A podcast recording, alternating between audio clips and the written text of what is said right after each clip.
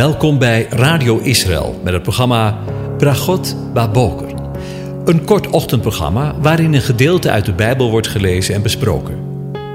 Met Bragot Baboker wensen onze luisteraars zegeningen in de ochtend. Presentator is Kees van de Vlist.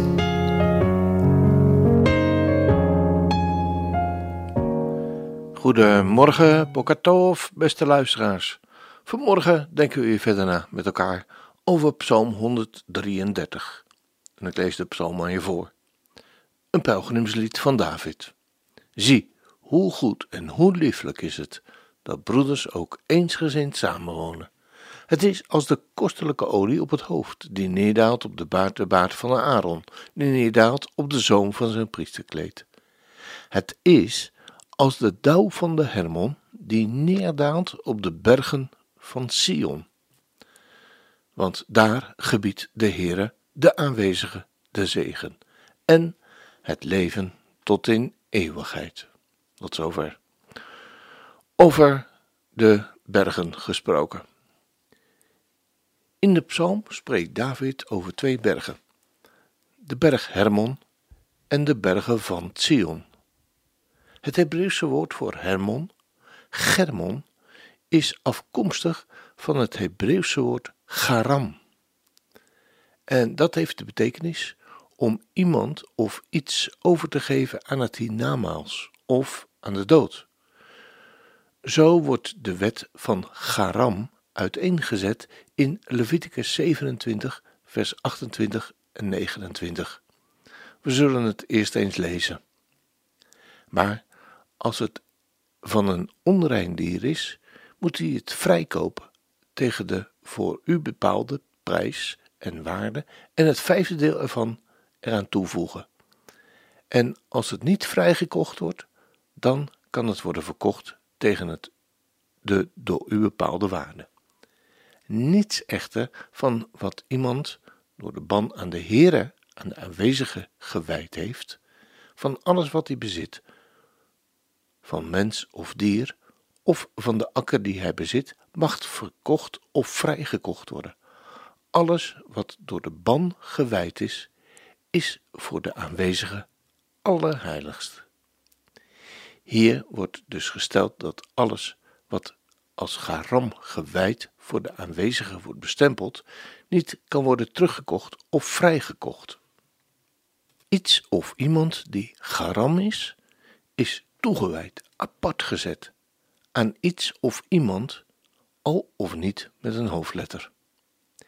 In de Tenach, het Oude Testament, zijn er geen voorbeelden van mensen die als garam worden aangeduid en die vervolgens niet worden geëxecuteerd of gedood. Maar er zijn een aantal mensen met namen die zijn afgeleid van dit werkwoord, wat erop kan wijzen dat het werkwoord ooit verlossing aanduiden. Niet alles wat met garam werd aangeduid, werd automatisch vernietigd. In nummer 18, vers 14 verklaart Hashem elk toegewijd ding. Dus garam staat daar. In Israël is van jou. En er wordt gezegd tegen Aaron en zijn zonen in Leviticus 27, vers 21. En toen Joshua Jericho plunderde, viel de hele stad en alles wat erin zat, behalve Rahab en haar huis, werd aangeduid als garam. Maar de gouden, zilveren, bronzen en ijzeren voorwerpen gingen in de schatkamer van de tabernakel, zoals we lezen in Joshua 6, vers 19. De berg Hermon heeft daarom de symbolische betekenis van garam zijn, toegewijd aan de Heere tot in het hiernamaals. En er is ook een beeld voor verlossing. De berg Hermon is de hoogste berg in het uiterste noorden van Israël, met een hoogte van ruim 2800 meter. Het gebied staat nu bekend als de Golanhoogte. Hermon betekent heiligdom of heilige berg Gods, maar ook afgezonderd en gewijd, zoals we net zagen. Maar daarover, tegenover, ook een vloek of vernietiging, zoals we hiervoor zagen. Deze tegenstelling komt doordat er een hele duistere geschiedenis zit van aanbidding. Hij werd in Richter 3, vers 3 in die tijd Baal Hermon, God van de destructie, genoemd, omdat dit de woonplek van de Nephilims, de reuzen waren, en zij daar aanbeden werden. Goliath was een van hen en kwam uit Gat.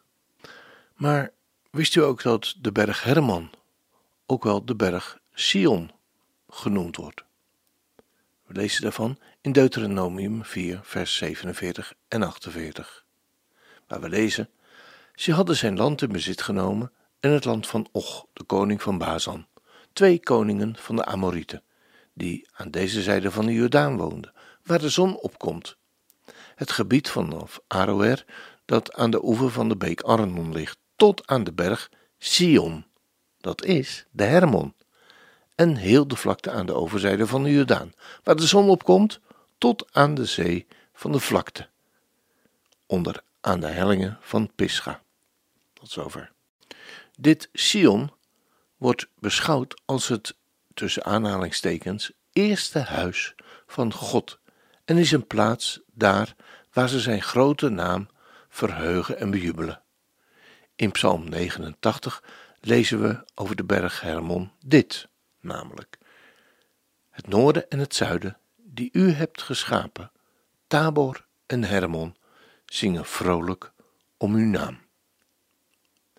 Nu we weten dat de berg Hermon eveneens Sion wordt genoemd, moeten we concluderen dat er in de Bijbel sprake is van twee verschillende plaatsen in de Bijbel met deze naam. Maar dat is in het Nederlands ogenschijnlijk zo, want in het Hebreeuws is er duidelijk sprake van een verschil. Het Hebreeuwse woord voor Sion, zoals gebruikt als andere naam voor de Hermon, Sion betekent verheven. Dit Sion wordt in het Hebreeuws gelezen met de 21ste letter Shin, onze S, terwijl Zion, dat wij veelal aanduiden met Jeruzalem, wordt geschreven met de Hebreeuwse letter Tzade, dus onze Z.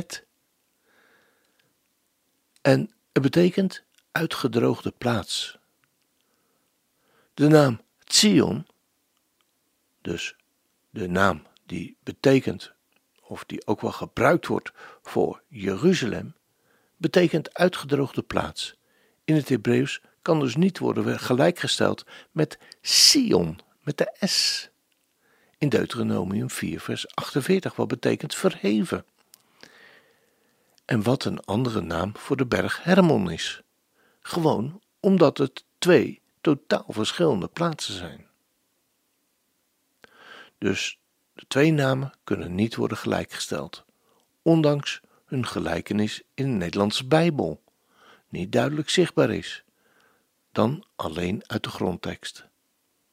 We moeten deze verschillende manieren van schrijven, Zion met een Z en Sion met een S, en de betekenis van deze tweede woorden goed onderscheiden, uit elkaar houden.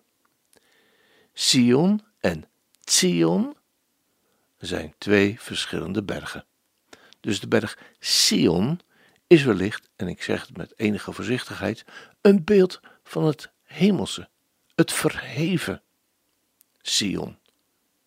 Jeruzalem, de berg Hermon, en niet de berg Zion, het zade, in het aardse Jeruzalem, de uitgedroogde plaats. Dit verschil tussen de oorspronkelijke namen zorgt voor veel verwarring, doordat in nagenoeg alle Nederlandse vertalingen het verschil niet zichtbaar gemaakt is. Het is voor velen verwarrend en misschien ook wel schokkend om erachter te komen dat de berg Hermon de eerste berg Sion was, lang voordat Jeruzalem, Zion, werd gesticht door koning David en Salomo als de berg Sion van God voor Israël en Juda en daar waar de tempel werd gebouwd. God heeft de berg Hermon gezien als de oorspronkelijke berg, als de eerste berg Sion. Zelfs Mozes toont aan onder goddelijke inspiratie dat de berg Hermon tot Gods heilige, de berg Sion, heeft uitgeroepen.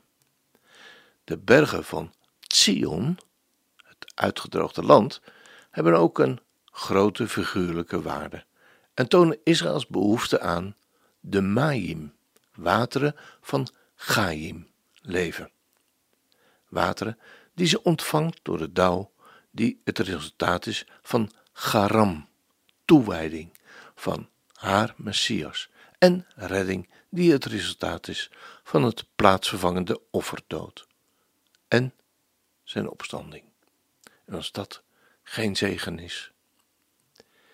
Ja, het was vandaag best wel een beetje een technisch verhaal. Zeker wanneer u dit voor het eerst hoort over de verschillen tussen Sion en Zion. Ik hoop dat u het mij niet kwalijk neemt, maar ik vond het te belangrijk om te laten liggen. Mocht u het nog eens na willen lezen, dan kunt u het vinden op onze website onder het knopje radio uitzending gemist. En dan moet u kiezen voor het programma Bragot Baboka. Barry en Batia Segal zingen over Zion met de woorden van Jesaja 61 vers 1. Omwille van Sion zal ik niet zwijgen. Omwille van Jeruzalem zal ik niet stil zijn. Totdat haar gerechtigheid opkomt als een lichtglans en haar heil als een brandende fakkel.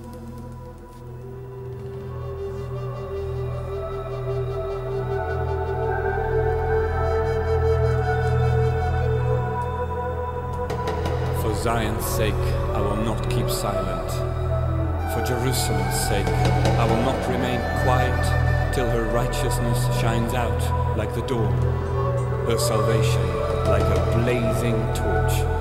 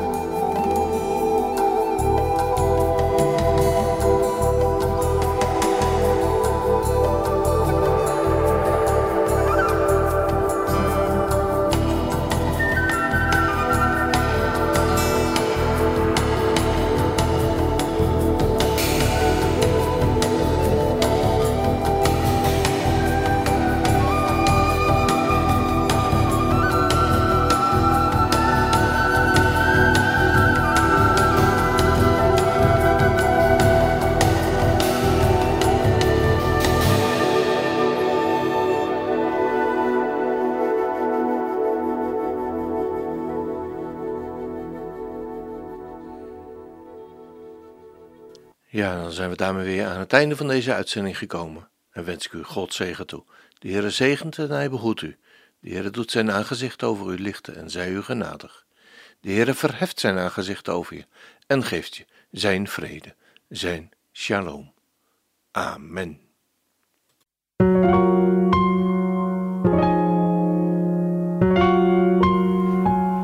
U hebt geluisterd naar het programma Bragot Baboker. Een kort ochtendprogramma waarin een gedeelte uit de Bijbel wordt gelezen en besproken. Wilt u het programma nog eens naluisteren, dan kan dat. Ga naar radioisrael.nl en klik onder het kopje radio op Uitzending gemist.